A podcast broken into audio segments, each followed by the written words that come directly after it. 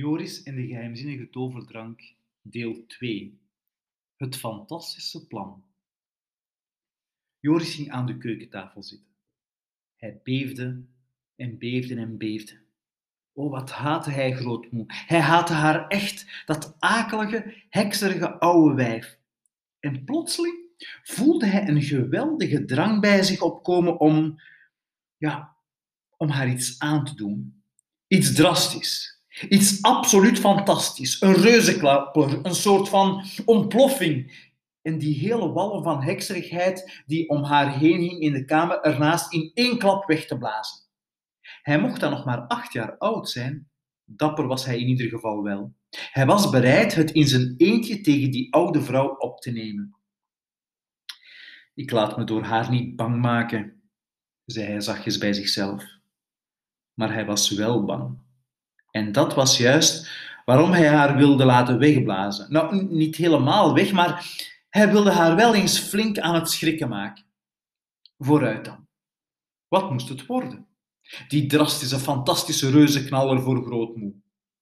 Hij had best wel een, eh, een rotje onder haar stoel willen leggen, maar hij had geen rotje. Ja, een, een rotje is zo'n soort van um, bommetje, een knallertje eigenlijk. Hij had best een uh, lange groene slang achter in haar jurk willen laten glijden, maar hij had geen lange groene slang. Hij had best zes grote zwarte ratten bij haar in de kamer los willen laten en dan de deur op slot doen. Maar hij had geen zes grote zwarte ratten.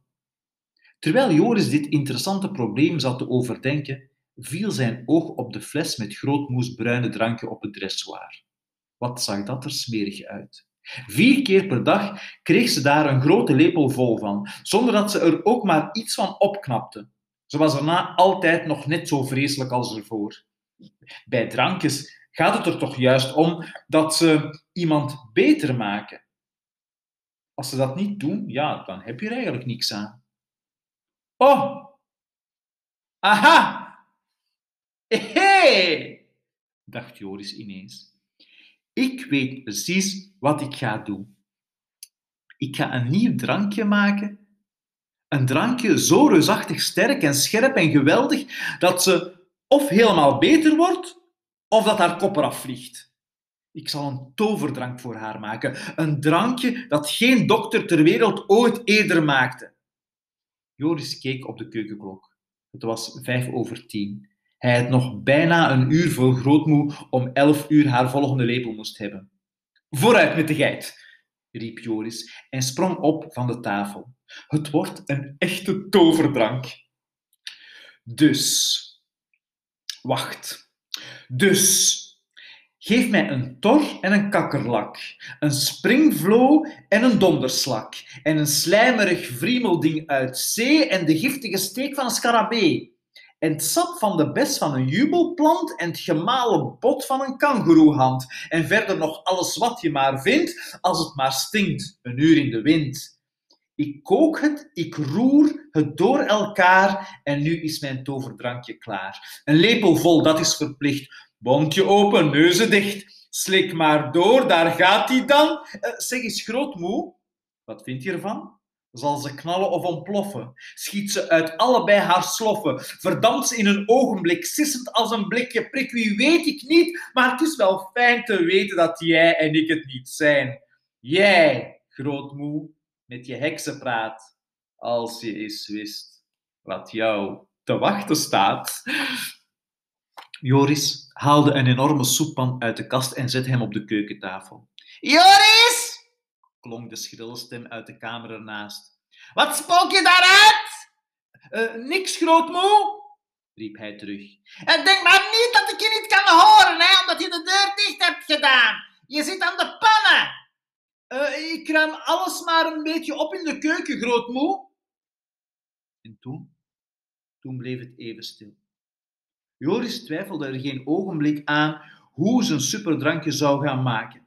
Hij zou niet aarzelen of hij soms een beetje van dit of een beetje van dat erin zou doen. Hij zou gewoon alles, maar dan ook alles wat hij vinden kon, erin gooien. Geen geaarzel, geen gewijfel, geen getwijfel of iets het oude wijf misschien wel de das om zou doen. Dit zou de regel zijn. Alles wat hij zag, vloeibaar, stroperig of poeder, alles ging erin. Niemand had ooit zo'n drankje gebrouwen. Als het grootmoe niet helemaal zou genezen, dan zou het toch in ieder geval vast wel een paar opwindende resultaten opleveren. Het zou zeker de moeite waard zijn om te zien. Joris besloot alle kamers één voor één door te werken om te zien of er iets van zijn gading was. Hij zou eerst naar de badkamer gaan. Er zijn altijd massas leuke dingen in badkamers, dus ging hij naar boven terwijl hij de reuzenpan aan de twee handvaten voor zich uitdroeg. In de badkamer keek hij vol verlangen naar het bekende, gevaarlijke medicijnkastje. Maar hij bleef erbij vandaan. Het was het enige ding in het hele huis waar hij niet aan mocht komen. Hij had het plechtig beloofd aan zijn ouders en hij was niet van plan om zijn belofte te breken. Er zaten namelijk dingen in waar je dood van kon gaan.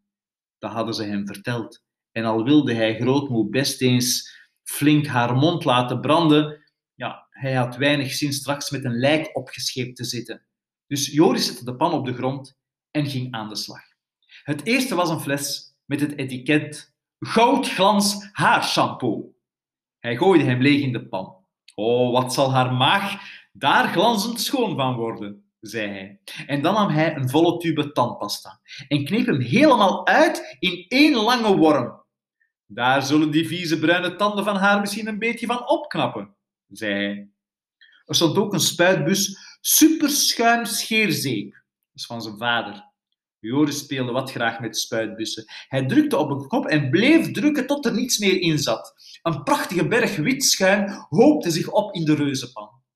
Met zijn vingers schepte hij de inhoud uit een potje gevitaminiseerde huidcreme. Dat stond erop. Er ging een klein flesje knalrode nagellak in. Als de tandpasta haar tanden niet schoonmaakt, zei Joris, dan verft dit ze wel zo rood als rozen. Hij vond nog een potje crèmeachtig spul met het opschrift ontharingscrème. Op uw benen smeren dat stond erop. En vijf minuten laten zitten. Joris mikte alles in de soeppan. Er was een fles met geel spul, dat Bosbooms beroemde anti-rooslotion heette. Hup, erin. Er was iets waar brilident voor het reinigen van uw kunstgebied op stond. Het was een wit poeder. Dat ging er ook in. Hij vond nog een spuitbus. Nimmer meer meur deodorantspray. Houdt gegarandeerd een hele dag alle nare lichaamsscheurtjes weg. Dat stond erop. daar kan ze een heleboel van gebruiken, zei Joris en spoot de hele bus leeg in de pan. Vloeibare paraffine, heette de volgende. Het was een grote fles. Hij had geen flauw idee wat hij ermee kon doen, maar hij deed het er toch gewoon bij. Dat was wel zo ongeveer alles uit de badkamer, dacht hij rondkijkend. Op zijn moeders kaptafel, in de slaapkamer, vond Joris nog zo'n fantastische spuitbus. Er stond op Helgas haarlak. Op 30 centimeter afstand houden en zachtjes drukken. Hij spoot het hele zaakje in de soeppan. Hij vond dat spuiten met die spuitbussen maar wat leuk. Er was een flesje parfum met het opschrift Bietenbloesem. Het rook eigenlijk naar oude kaas. Ook erin. Het volgende dat hij erbij deed was een grote ronde doos met poeder. Dat roze poriplamuur heette. Bovenop lag een poederdons die hij er ook maar bij deed, voor de zekerheid. Hij vond een paar lippenstiften, hij trok de vettige rode dingen uit hun hulsjes en gooide het zo bij het mengsel. De slaapkamer had verder niets te bieden. Dus schouwde Joris de enorme pan naar beneden en ging ermee naar de bijkeuken, waar planken vol stonden met allerlei huishoudspullen. Het eerste wat hij pakte was een grote doos. Superwit voor wasautomaten. Vuil verdwijnt als bij toverslag. Dat stond erbij. Joris wist wel niet of grootmoe automatisch was of niet, maar ze was in ieder geval een smerig oude vrouw. Dus kan ze maar beter alles krijgen, zei hij en keerde de doos om boven de pan. Daarna kwam een groot blik vrij fijn vloerwas, verwijdert vuil en smeerlapperij van uw vloer en maakt alles glanzend schoon. Dat stond erop. Joris graaide het oranjekleurige wasachtige goedje uit het blik en kwakte het in de pan. Er was een rond kartonnen doosje met het etiket Vlooienpoeder voor honden. Weghouden bij het hondeneten, want als de hond van dit poeder eet, springt hij uit elkaar. Prima, zei Joris en kieperde het in de pan.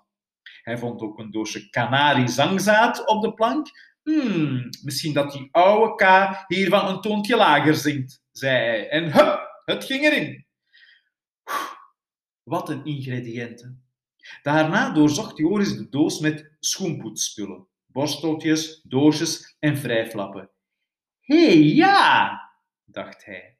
Grootmoes drankje is bruin, dus moet mijn drankje ook bruin zijn, anders gaat ze iets merken. De beste manier om het de goede kleur te geven, besloot hij, zou zijn met bruine schoensmeer. Op het doosje dat hij uitkoos stond donkerbruin. Prachtig! Hij schepte het leeg met een oude lepel en plenste het in de pan. En later zou hij het wel glad roeren. Onderweg terug naar de keuken zag Joris een fles met Genever op de kast staan. Grootmoe was dol op Genever. Ze mocht elke avond een klein glaasje. Nu zou hij haar eens verwennen. Hij zou de hele fles erin doen en dat deed hij. Terug in de keuken zette Joris de reuzenpan op de tafel en ging naar de kast waar de etenswaren in stonden. De planken peilden uit van allerlei soorten flessen en potjes. Hij koos de volgende en goot ze één voor één leeg in de soeppan. Een busje currypoeder, een busje mosterdpoeder, een flesje extra hete chilisaus, een busje zwarte peperkorrels, een flesje mierikswortelsaus. Daar, zei hij hardop. Dat moet genoeg zijn. Joris! klonk de schelle stem uit de kamer ernaast. Tegen wie praat je daar? Wat voer je uit? Uh, niks, grootmoe, helemaal niks, riep hij terug. Is het nog geen tijd voor mijn drankje? Nee, grootmoe, pas over een half uur. Oh, nou, als je het maar niet vergeet. Nee hoor, grootmoe, antwoordde Joris. Ik beloof u dat ik het niet zal vergeten.